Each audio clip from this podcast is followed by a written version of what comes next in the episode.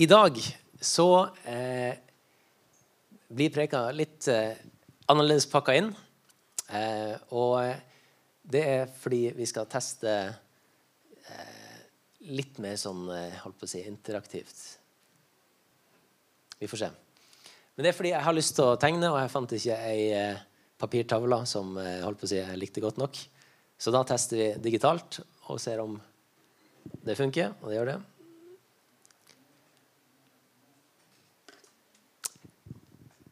Men det jeg har lyst til å dele om i dag, det er Det handler om noe som er ganske si, Det er litt sånn grunnleggende i eh, den kristne troa vår og forståelsen av eh, hvor Gud har gjort noe i livene våre. Eh, jeg skal snakke om det her med at vi er ånd, sjel og kropp. At vi er tre deler. Og at, hvordan det her hører sammen, og hva Gud har gjort, og hva Guds ord forteller oss til hva Gud, Guds ord har å si til vår eh, ånd, hva sier Guds ord om vår sjel, og hva sier Guds ord om vår kropp. Er dette noe som eh, Hvis du eh, bare tar en eh, håndsopprekning Er det her at vi er ånd, sjel og kropp, er det noe som er nytt for deg? Eller har du hørt det før? Har du hørt det før? Det er noen som har hørt det før. Så bra. Syns du det er bra, Ronny? Ja. jeg skal se om jeg finner klokka mi også.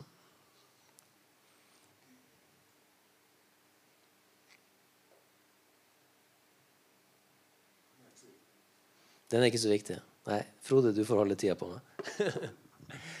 ok. Let's begin.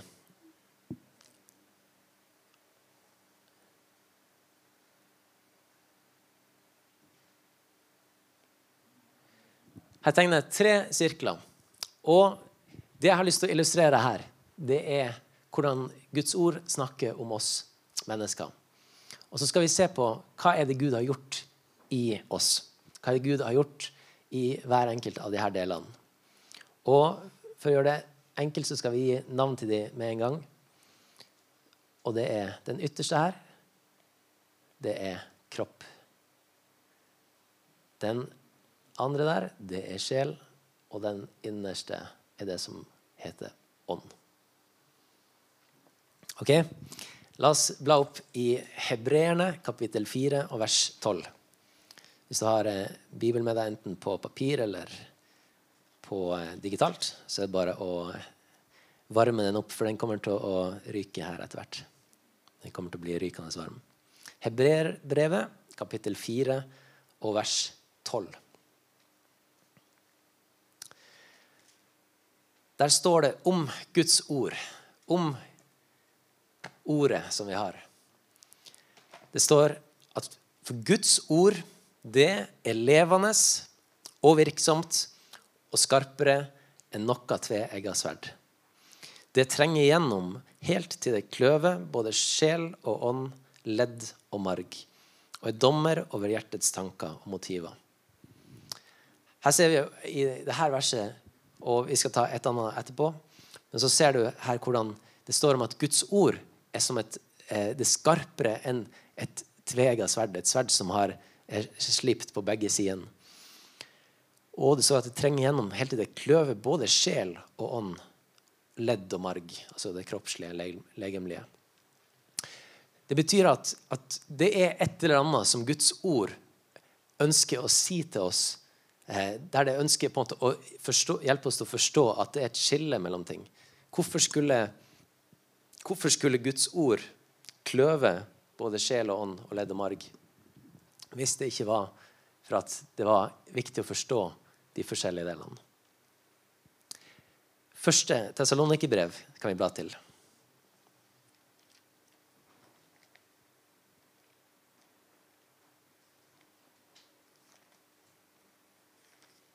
Første Tessalonikerbrev, kapittel 5, og så vers 23.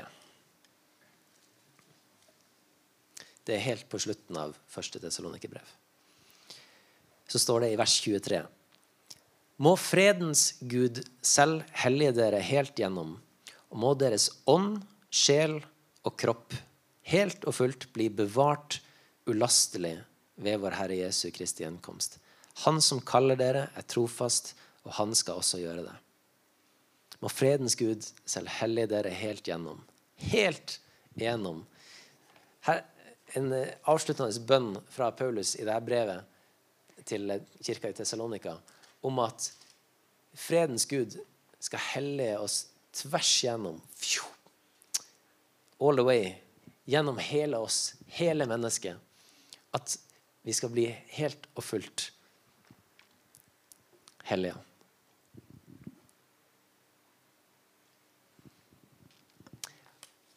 Jakob kapittel 2 og vers 26. Det er siste verset vi skal se på før vi hopper inn i hver av de delene her.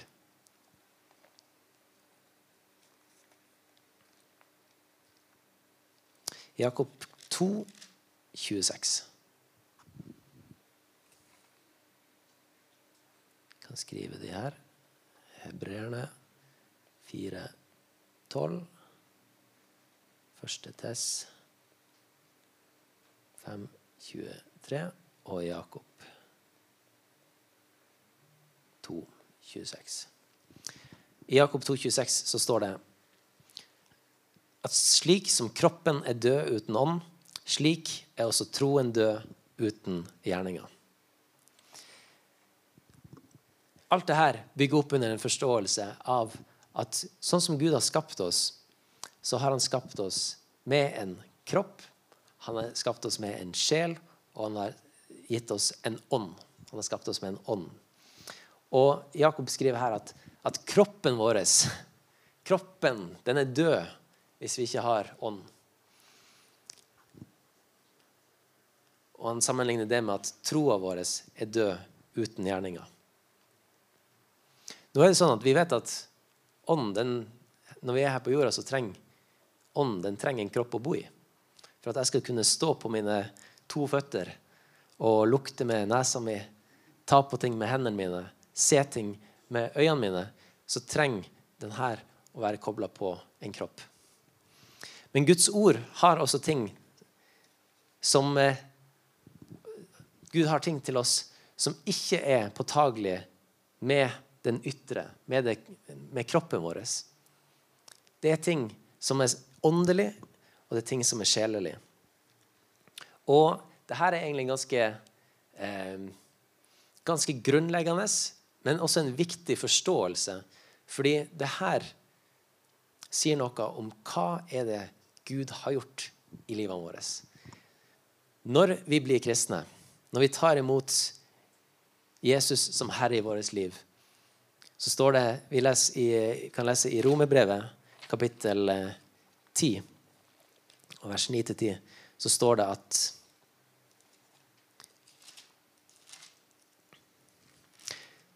Romerbrevet 10, vers 9-10. For dersom du bekjenner Herren Jesus med din munn Romerne 10, 9-10 og tror i ditt hjerte at Gud har oppreist ham fra de døde, skal du bli frelst. For dersom du bekjenner Herren Jesus med din munn og tror i ditt hjerte at Gud har oppreist ham fra de døde, skal du bli frelst. For med hjertet tror en til rettferdighet, og med munnen bekjenner en til frelse. Guds ord har flere navn på denne delen. Den innerste delen vår. Ånden vår. I Nytestamentet er det brukt mange forskjellige begreper på denne innerste mennesket. Det er ånd blir brukt. Det er hjerte er noe annet som det snakkes om. Vi har fått et nytt hjerte. Det blir nevnt som at dette er det indre mennesket. Og alle de tingene her som Guds ord forteller oss, det handler om det som har skjedd inni vår ånd. Og nå er det her. Vi kan ikke plassere det her fysisk på en måte at det er her. Men det er av en eller annen grunn når vi snakker om eh, ånd og indre menneske, så havner ofte handa her fordi eh, det er her det er her du er. Hvis jeg blir eh, en meter høyere eller en meter kortere, så er det kroppen min som har forandra seg. Hvis jeg begynner å tenke andre tanker, hvis jeg eh, i forhold til utdanning, eller at jeg med forstanden min begynner å tenke på andre ting, eller gjøre ting, andre interesser, lese, eh, gjøre meg klokere, så er det min forstand. Det er sjel. Sjel eller forstand som har oppbyggelse av det. Mens ånden, ånden, det er noe annet.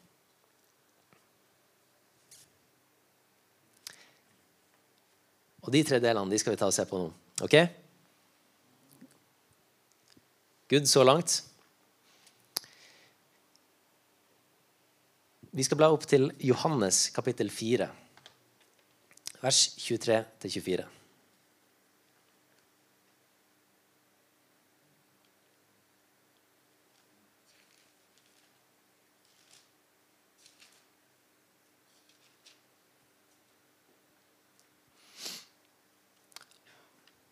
Nå snakker vi om ånd. Det som Gud gjør i vår ånd. Det står her at Det er Jesus som sier det her i en samtale han har med ei dame. Så sier han at den time kommer og er nå da de sanne tilbedere skal tilbe Far i ånd og sannhet. For Faderen søker dem som tilber ham slik. Gud er ånd, og de som tilber ham, må tilbe i ånd og sannhet. I ånd og sannhet. Det står her at Gud er ånd. Jesus sjøl formidler det her. At Gud er ånd. Hold den tanken og bli med til 1. Korinterbrev 14.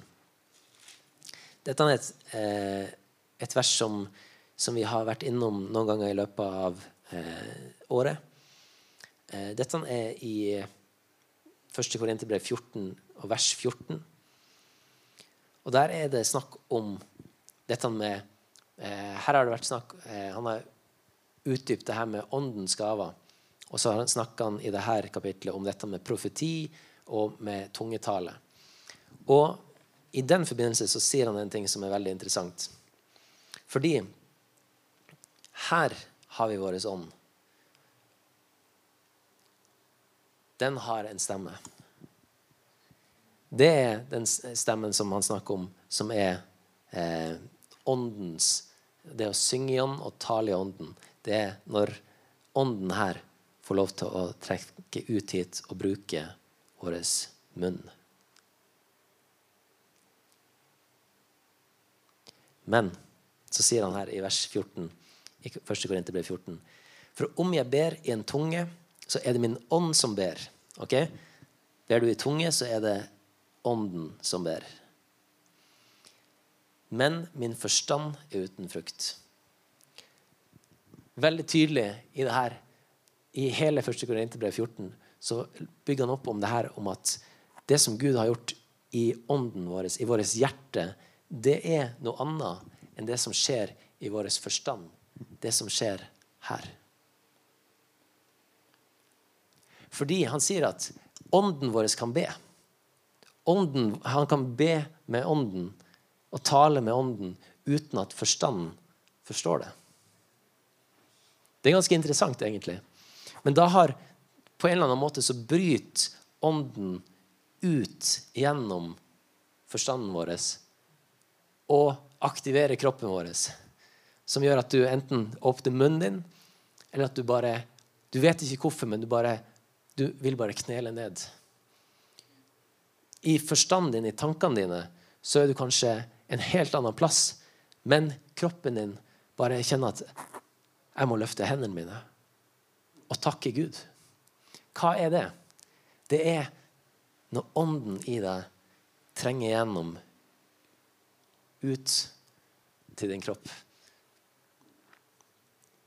Av og til så, når vi har snakket om det her med, med Den hellige ånd i oss, så tenker man kanskje at det er så mye som skal komme utenfra og inn. Ja, du er nødt til å være på det møtet, du er nødt til å høre på den sangen.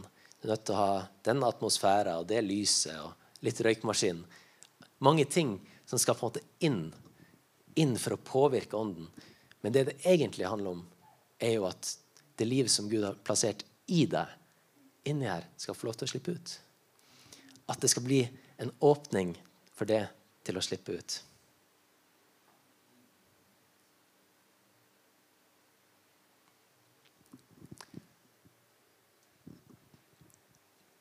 Sjelen, eller ja, den delen som kontakter det mentale området. Den som tenker og resonnerer. Noen har eh, mer forstand enn andre. Intellekt. Noen har mer intellekt enn andre. Men la oss eh, bla opp til 1. Korinterbrev, kapittel 2.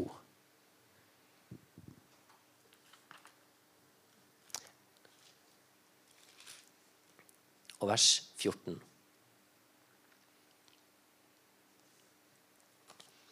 Og altså nå, det, det her er jo en, en bibeltime, egentlig. Håper du eh, har nok kaffe eller eh, andre ting i kroppen din til å klare å henge med. Kanskje er det din ånd inni deg nå som kjemper og prøver liksom, yes, heng med her. Mens forstanden din sier kaffe, kaffe. Det er søndag. Det er farsdag. Det er herlig. Men 1. Korinterbrev 2, 14 sier det her at Eller det står Men et sjelelig menneske Skal vi se. Ja, vi kan ta det fra vers 13, egentlig. Eller vet du hva? vi går hele veien tilbake til vers 12. Der står det Men vi har ikke fått verdens ånd, men den ånd som er fra Gud. For at vi skal kjenne de ting som av nåde er blitt gitt oss av Gud. Ok? Vi har ikke fått verdens ånd. Det er ånd han snakker om her. For at vi skal kjenne de ting som av nåde er blitt gitt oss av Gud. Disse ting taler vi oss om, ikke med ord som menneskelig visdom lærer. Og hvor finner vi menneskelig visdom? Den finner vi her ute i vår forstand. Men med ord som Den hellige ånd lærer. Idet vi tolker åndelige ting med åndelige ord. Men et sjelelig menneske tar ikke imot de ting som hører Guds ånd til, for de er som dårskap for ham. Han kan heller ikke kjenne dem, for de bedømmes åndelig. Men den som er åndelig, bedømmer alle ting. Men selv blir han ikke bedømt av noen. Ok, trekk pusten litt her.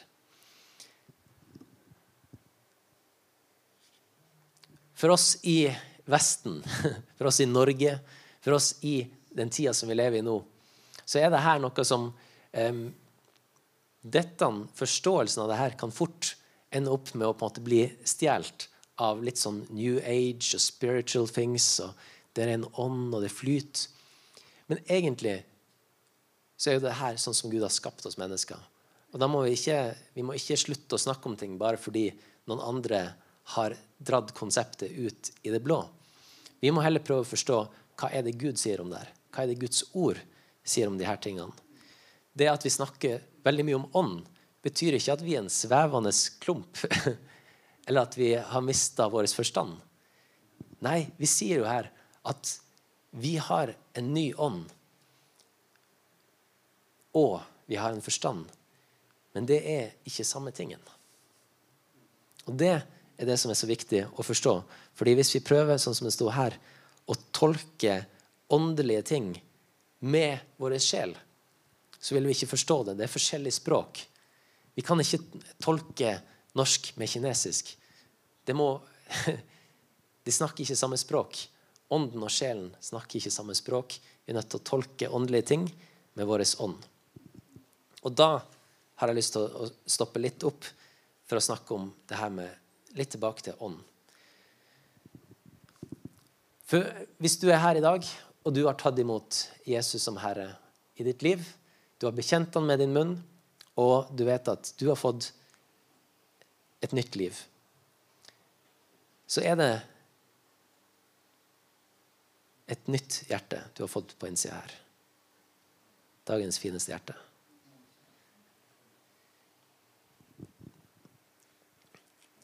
i 1. Peter 1,23 Nå skal vi se på det her med at vi har fått en ny ånd. Og vi skal prøve å lande ganske bra i dag. Vi må bare rusle litt rundt først. Ok?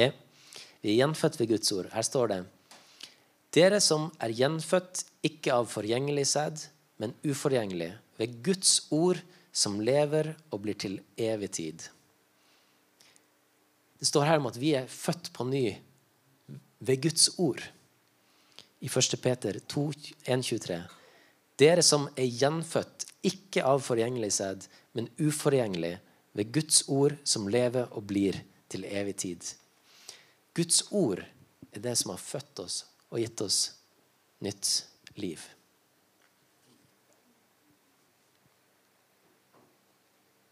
Her om dagen så Eller det var faktisk ikke her om dagen. Det var, jo, det var her om dagen og i går. Så leste jeg gjennom romerbrevet, som er den, den beste oppladninga til eh, et liv du kan ha. Fordi det, Paulus i romerbrevet han formidler så utrolig masse sannheter. Eh, og han, du må ta tid til å, å puste og eh, skrive ned ting imellom. Fordi det er veldig mye å hente ut av det. Men han skriver bl.a. i Romerbrevet 5.5 at håpet gjør ikke til skamme, for Guds kjærlighet er blitt utøst i våre hjerter ved Den hellige ånd som ble gitt oss. Guds kjærlighet er blitt utøst i våre hjerter ved Den hellige ånd som ble gitt oss. Det som skjer når du tar imot Jesus som Herre og Frelser, eller når du til en kollega eller venn formidler evangeliet og forklarer dem at Jesus Kristus er Messias. Han bar all verdens skyld. Han ga sitt liv sånn at vi, hvis vi tror på han og bekjenner han, så skal vi få et nytt liv. Dette er det nye livet. Og Her forklarer Paulus at Guds kjærlighet er blitt utøst i hjertene våre ved Den hellige ånd som ble gitt oss. Så Den hellige ånd har flytta inn her.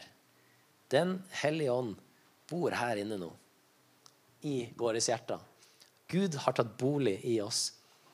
I barnesanger så kan man si at ja, Jesus banker på hjertedøra di, og Jesus har flytta inn. Men eh, i, i, forhold til treenighetslære og sånt, og hvis du skal være teologisk korrekt, så har ikke Jesus flytta inn. Jesus sendte sin ånd og Den hellige ånd har tatt bolig i oss. Jesus han sitter ved fars høyre hånd i himmelen. Det er det Guds ord lærer oss. Og Far, Sønn og Hellig Ånd er alle sammen Gud. De utgjør Gud til sammen, og hver enkelt av dem er de også Gud. Men det er Den hellige ånd som har blitt utøst til oss. Det, det er jo derfor Jesus forlot jorda. Fordi når Jesus var på jorda, så var han begrensa til kropp. Jesus var begrensa til kropp. Fordi da Jesus kom, så tok han på seg vår skikkelse. Jesus kom som et menneske. Jesus kom ikke som en gud og gjorde hva han ville på jorda. Jesus, når han kom til jorda, så tok han på seg vår skikkelse. Eller den skikkelsen som, som vi har for at han skulle være i samme kår som oss. Det er veldig interessant å tenke på at, at Jesus, som hadde, hadde, mulighet til å gjøre egentlig hva han ville når han var Gud, allmektig, så blir han ikledd en menneskekropp. Med en kropp, med en forstand, men også med Guds ånd. Jesus han var fylt av Guds ånd fra starten av. Det står at da han, eh, da han ble døpt, så kom Den hellige ånd over ham som en, som en due. Så Jesus han var leda av Guds ånd, på samme måte som vi kan være leda av Guds ånd. Fordi vi er lik sånn som Jesus var. Når vi har fått et nytt hjerte på innsida, når vi har Den hellige ånd boende i oss, da er vi lik sånn som Jesus var. Forskjellen på oss det var at Jesus han levde et syndfritt liv. Jesus han, var, han levde et liv som vi ikke er kapabel til. Men det var ikke fordi han ikke hadde en kropp. Det var ikke fordi han ikke hadde en sjel og et tankeliv. Jesus var ikke en eh, tankeløs person, og derfor levde han syndfritt. Fordi han slapp, han slapp unna det her med tanker. Han slapp å tenke ting. Nei, Jesus hadde også et tankeliv, et sjelsliv. Men han lot seg ikke friste. Han ble frista, men han lot seg ikke lede til synd. Og derfor, når Jesus da dør på korset, når han betaler prisen for synd, så åpner det opp for at vi kan få den samme ånd som Jesus var fylt med. Amen. Så vi får Den hellige ånd i våre hjerter. Guds kjærlighet er blitt utøst i våre hjerter. Det er fantastisk. Ved Den hellige ånd, som ble gitt oss. Du har ikke kjøpt den, du kan ikke betale den. Han ble gitt til deg.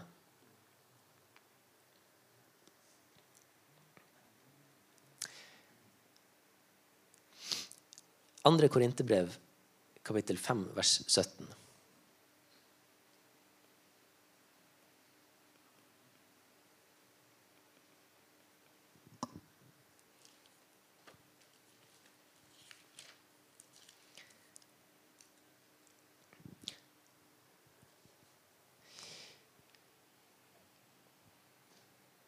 Og som vanlig så starter vi i verset før, vers 16.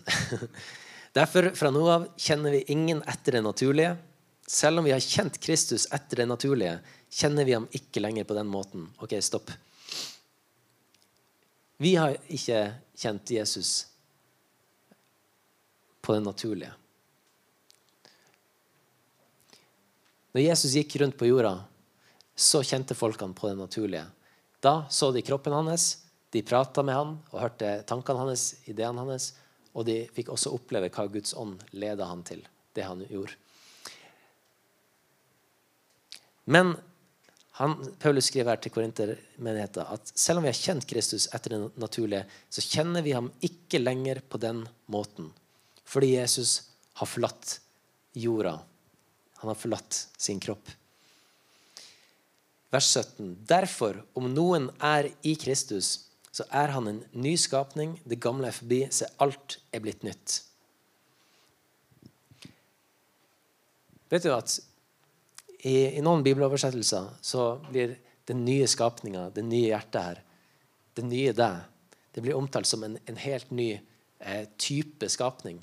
Ikke bare at, at, du er gjort ny, du er ikke bare født på ny, men du er en helt annen type skapning. Du er skapt for å leve på en annen måte. Jeg har brukt eh, ofte et, eh, For å illustrere det så har jeg brukt ofte et eksempel av en fisk. Dagens fineste fisk. Vi prøver på nytt. En storlaks. Fisken og la oss bruke et menneske, siden det er det vi er. Battle of the day. Fisk versus menneske. La oss bruke det her som et eksempel. Det er banalt, men det funker for meg. Jeg er litt banal av og, til. Av og til. I forhold til andre, det han underviser her i 2. Korinterbrev 5, så forteller han at vi er blitt en ny skapning. Og La oss være enige her om at en fisk og et menneske er to forskjellige skapninger. Ok, bankers. De er to forskjellige skapninger. Hvis vi da antar at vi var fisk før Fisk lever i vann. Faktisk under vann. Puste med gjelda og leve i dette vannet. Og har det veldig godt under vann. Dette var sånn vi levde. Og Guds ord forklarer oss at før vi ble frelst, så levde vi i synd. Så la oss kalle det her syndens hav. Du levde, pusta i syndens hav. Det var der du hørte til. Før du møtte Jesus. Det som skjer, ifølge Guds ord, er at du ble tatt ut av den skapninga du var. Den, din tidligere, ditt gamle menneske, er dødt, og du får et nytt liv, som er en ny skapning. Og da kan vi illustrere det med at du går ifra å være en fisk som lever i syndens hav, til å være et menneske som nå går på land. La oss kalle det her nådens land.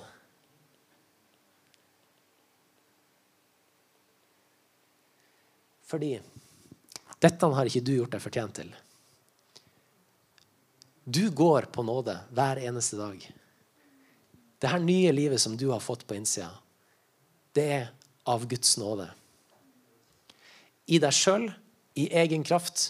Hvis, hadde, hvis, det hadde vært opp til deg, eller hvis det hadde vært opp til meg, så hadde jeg levd her hele mitt liv til jeg døde og gikk fortapt. Fordi jeg i meg sjøl har ikke kapasiteten eller krafta til å frelse meg sjøl. Som en fisk her så har ikke jeg det som trengs for å komme meg ut av havet. Jeg trenger en frelser. Og når du er på fisketur og drar opp en fisk, så tenker ikke du at du frelser fisken. Da, du, da er du der for å ta han, ete han, drepe han. Du skal ta han.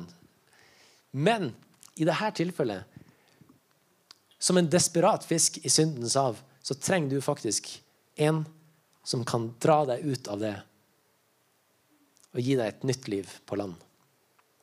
Og det er det vi, vi ser her, at, at vi blir en ny skapning når vi er i Kristus. Det gamle er forbi, og så alt har blitt nytt. Og siste poenget her er det her med at eh, Da kan vi jo eh, Når Paulus underviste her, for å si det sånn, så var det en del folk som håna han og eh, kom med spydige kommentarer om at ja, men så bra at det er nåde, da. Da kan jo jeg bare gjøre hva jeg vil. Da kan jeg fortsette å leve i synd. Da kan jeg fortsette å leve sånn som jeg vil, sånn som jeg føler det, gjøre akkurat hva jeg vil. Fordi det er jo nåde uansett. Hvis Jesus har betalt for all min synd, hvis Jesus har betalt for all min skyld, så bra. Da kan jeg gå og leve livet mitt. Adios. Jeg stikker til Vegas. Las Vegas. Nei.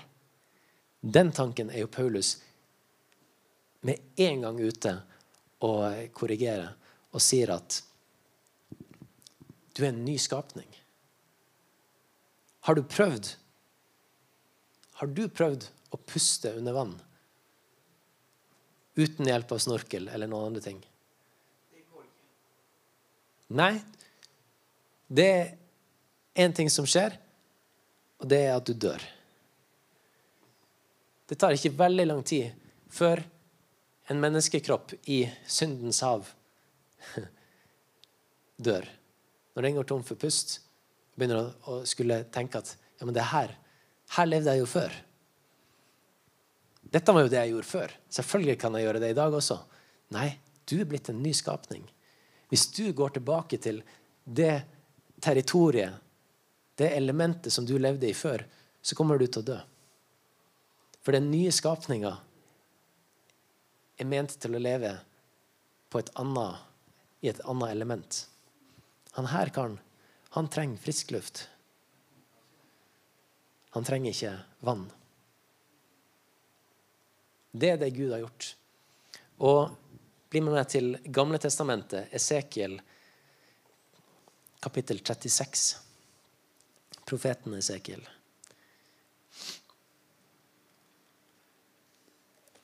Kapittel 36, vers 27. Det er mange skjulte skatter. Det er helt sant. Og det vi prøver, er jo å ta de skjulte skattene og gjøre de synlige. For der står det i Esekiel 36, 26, 27 Jeg skal gi dere et nytt hjerte. Dette er en, en, en profeti om det som skulle skje. Fordi Det gamle testamentet er skrevet før Jesus kom til jorda. Her står det 'Jeg skal gi dere et nytt hjerte og gi dere en ny ånd i deres indre'. Ok, Det matcher ganske bra med det vi har tegna opp her. Jeg skal gi dere et nytt hjerte og gi dere en ny ånd i deres indre. Jeg skal ta steinhjertet ut av kroppen deres og gi dere et kjøtthjerte i stedet. Jeg skal gi dere min ånd i deres indre. Og jeg skal gjøre det så dere vandrer etter mine lover, og så dere holder mine dommer og gjør etter dem. En profeti som fortalte om det som skulle skje. Når Jesus kom til jord og, og tok vår plass på Golgata, betalte for synden som vi har gjort, som vi gjør, så er det det her. Det var derfor, derfor Jesus gjorde det. Fordi han skulle kunne gi oss et nytt liv. Og det står at han skal gi oss et nytt hjerte og en ny ånd i vårt indre, altså her inne i midten. Han tar steinhjertet ut og gir oss et kjøtthjerte. Og vers 27. Jeg skal gi dere min ånd i deres indre, og jeg skal gjøre det så dere vandrer etter mine lover. Dette er ikke, dette er ikke Guds lover. Når vi er kommet på, over på andre sida, tatt imot Jesus som Herre i vårt liv, fått et nytt hjerte, så er vi på et nytt territorium. Vi er i nådens land, og han sier at han skal gjøre det sånn at vi vandrer etter hans lover. Og vi holder hans dommer og gjør etter dem. Dette er det fantastiske med å være kristen. Det må jeg bare si. Det er mye fantastisk med å være kristen. Men akkurat det som han er inne på her, det er at den ånd som han har gitt oss nå, det som han har plassert i hver enkelt av oss, det er ikke en død ånd. Det er ikke en ånd som er tung å bære på. Det er ikke sånn at den dagen du ble kristen, så ble det på en måte Livet ble så mye tyngre. Nå bærer jeg på så han er, så han er så mektig, han er så tung, Den hellige ånd. Det er nye kjøtthjertet. Det var, veide jo mye mer enn steinhjertet mitt. Kan jeg få det tilbake? Nei, Den hellige ånd, som er gitt i våre indre, han er kalt en hjelper. En talsmann. En som løfter oss. En som minner oss på Guds ord. En som gir næring til oss. Og det står sånn som det sto her, da. Og jeg skal gjøre det så dere vandrer etter mine lover. Skal Gud gjøre det? Hvordan kan Gud gjøre det at, at vi holder hans lover? Kan han bestemme det? Vet du hva? Det Gud har gjort i vårt indre her, det er at han har gitt oss sin ånd. Og den ånd, den som det står i Filippe-brevet For Gud er virksom i oss til både å ville og til å virke. Jeg tror det er Filippe-brevet 4.10. Er det ikke det? Det finner vi fort ut av. Hvis vi finner Filippe-brevet.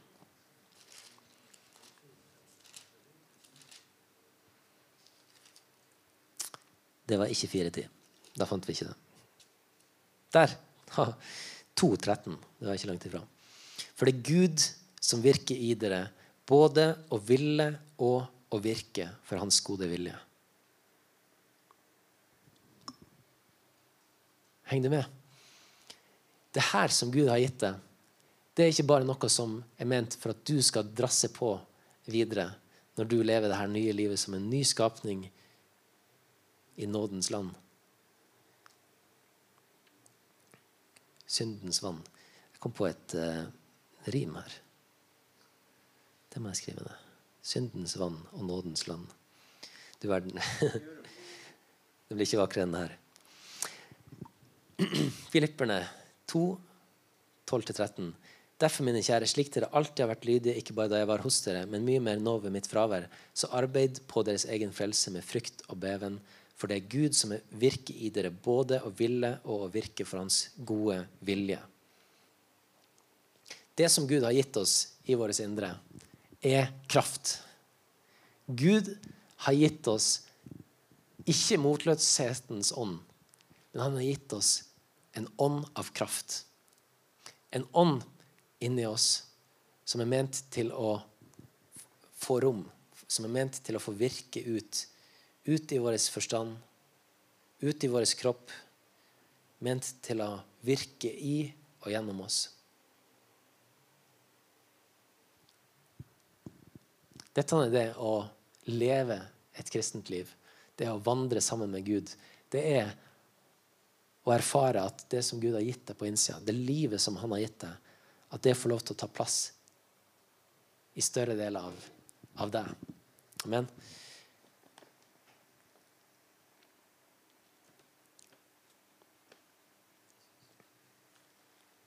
Og hvordan gjør han det? Romerbrevet kapittel 12.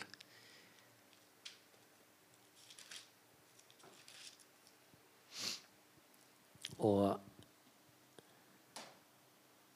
vers 1 og 2.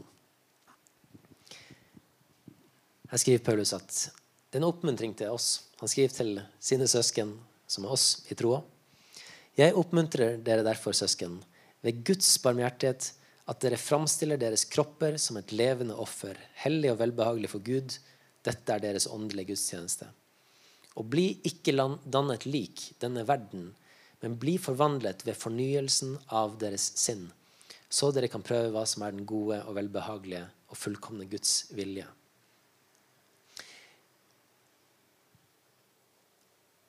Sinnet ditt, tankene dine, de har ikke Gud bytta ut. Det er din jobb. I, eh, sammen med Den hellige ånd. Og sammen med alle de hellige. Altså kirka. Alle de som har tatt imot Jesus som Herre. Alle de som er bærere av Guds ånd. Vi sammen kan gjøre det her og fornye sinnet vårt. Og hva betyr det? Hvis vi ser på at sinnet Skal vi se om vi kan bruke en annen farge her. Det hadde vært kult. Ja da. Det gule sinnet vårt her. Hvordan fornyer vi det? Mange, mange vil tenke at det er nødt til å komme utenfra. Du er nødt til å reise dit. Det kan være bundet til et sted. Du er nødt til å lese den boka. Det kan være eh, i forhold til eh, ja, undervisning. Du er nødt til å prate med den personen. Det kan være en, eh, en nådegave en person har. Og alle de tingene her er bra.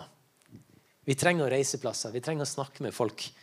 Eh, vi trenger å høre undervisning. Vi trenger å få input sånn sett utenfra, fra våre ører, fra våre sanser. Men fornyelsen av sinnet handler egentlig om det her. Å gi mat Nå ble det mye hvisking her. Å gi mat til Ånden.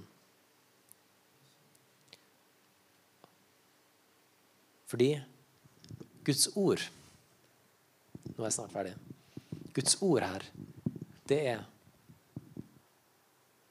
mat for ånden vår.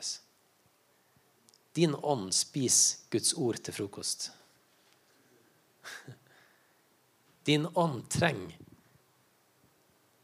Guds ord. Så kan du si ja, men Den hellige ånd kjenner ikke han hele ordet. Jo.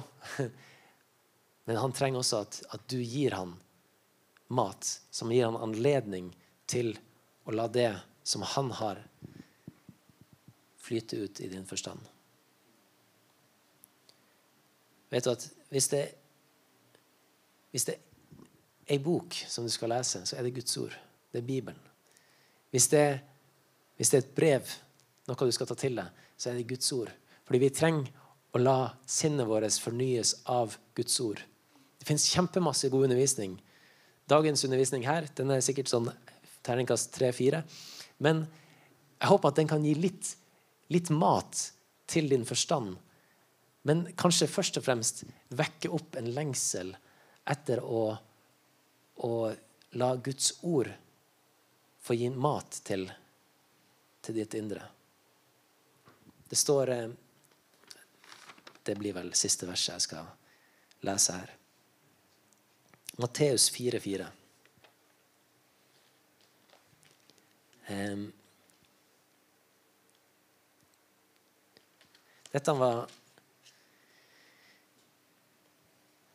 Når Jesus ble leda ut av ånden, faktisk, ut i ødemarka for å bli frista av djevelen. Hørte bare en, en, en, liten notis om det, eller en, en artig greie om det. Hørte en undervisning som bare kommenterte det at Jesus han var nødt til å bli leda av Guds ånd ut i ørkenen for å bli frista. De fleste av oss vi klarer ganske greit fint å lede oss sjøl ut i fristelse. Jesus han måtte faktisk ledes av ånden for å komme ut dit. Som jeg skulle gjerne vært der. Men når Jesus var her ute, så ble han frista av djevelen. Og så står det i vers 4 at Jesus svarte Fordi I vers 3 så står det fristeren kom til han og sa hvis du er Guds sønn, si til de her steinene at de skal bli til brød. Så svarte Jesus og sa det står skrevet mennesket lever ikke av brød alene, men av hvert ord som går ut av Guds munn. Som er fra en eh, Der siterer Jesus 5. Mosebok. Mennesket lever ikke av brød alene, men av hvert ord som går ut av Guds munn. Guds ord er mat for din ånd. Like mye som kroppen din her trenger at du putter brød, leverpostei og appelsinjuice inni den for at du skal funke, så trenger ånden din mat. Ånden din trenger å ha noe å tygge på. Ånden din, din trenger næring. Og det som du kommer til å oppleve Dette, er, dette kan jeg frimodig si fordi jeg vet at det er sant. Dette tror jeg på. Det at når vi spiser Guds ord Det betyr lese, lytte til det. Det er mange muligheter for å få Guds ord inn i oss. Når vi lar det fylle oss, så bygger det oss opp. Det bygger vår tro. Det styrker hjertet vårt. Og det vil føre til at tankene våre endres. Det vil føre til at vi får et nytt tankesett, vi får et nytt syn på verden rundt oss. Vi kan, vi kan, et, eh, vi kan dra på ti seminar om hvordan å tenke nytt om verden. Hvordan få nye ideer til hvordan verden skal bli et bedre sted. Men vet du hva? Alle de tingene de jobber kun ut ifra forstand. Ut ifra det synlige, det som vi klarer å se. Ja, sånn ser det ut med de folkene. Da trenger kanskje de det her. Men vet du, det som Gud kan gjøre når han får lov til å jobbe helt innenfra oss og ut, det er en fornyelse av hele vår kropp. Av hele vår ånd og vår sjel og vår kropp.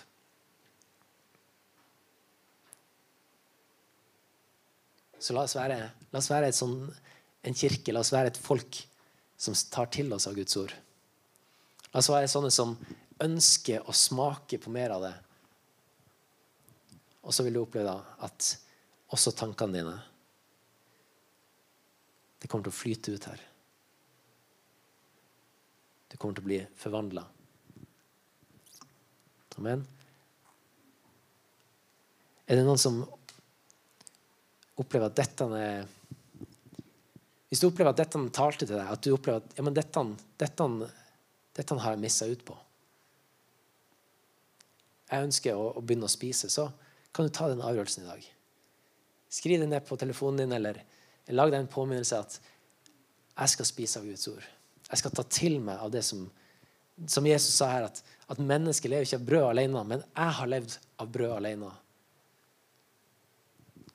Mamma sendte den Nei, det var faktisk da jeg bodde første året på hybel. Da var jeg 15 år. Tror dere 15 år på hybel. Eh, hadde jo ikke mye mat. Var ikke god å lage mat heller. Hadde faktisk ikke komfyr, så det ble ingen Grandiosa heller. Da var det en sånn julekalender som mamma hadde laga. Og da på ene dagen så åpna jeg opp, og så var det, det et bibelvers. Det er sånn når du har kristne foreldre. Da får du julekalender med bibelvers. og da sto det Matteus 4,4. Du lever ikke av brød alene, men av hvert ord som kommer ut av Guds munn. Den dagen jeg, jeg spiste ikke frokost fordi jeg ikke hadde brød. Eh, det, liksom, det satser jeg bare sånn Yes, det er helt sant, mamma. Helt sant, Jesus. Jeg lever ikke av brød alene. Kroppen min trenger det. Vi skal ta vare på kroppen vår. Gud ønsker at vi skal være et helt menneske. At vi skal ha en god kropp, at vi skal ha en god forstand, og at vi skal ha en sunn ånd også.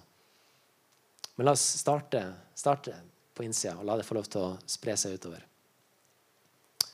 Amen.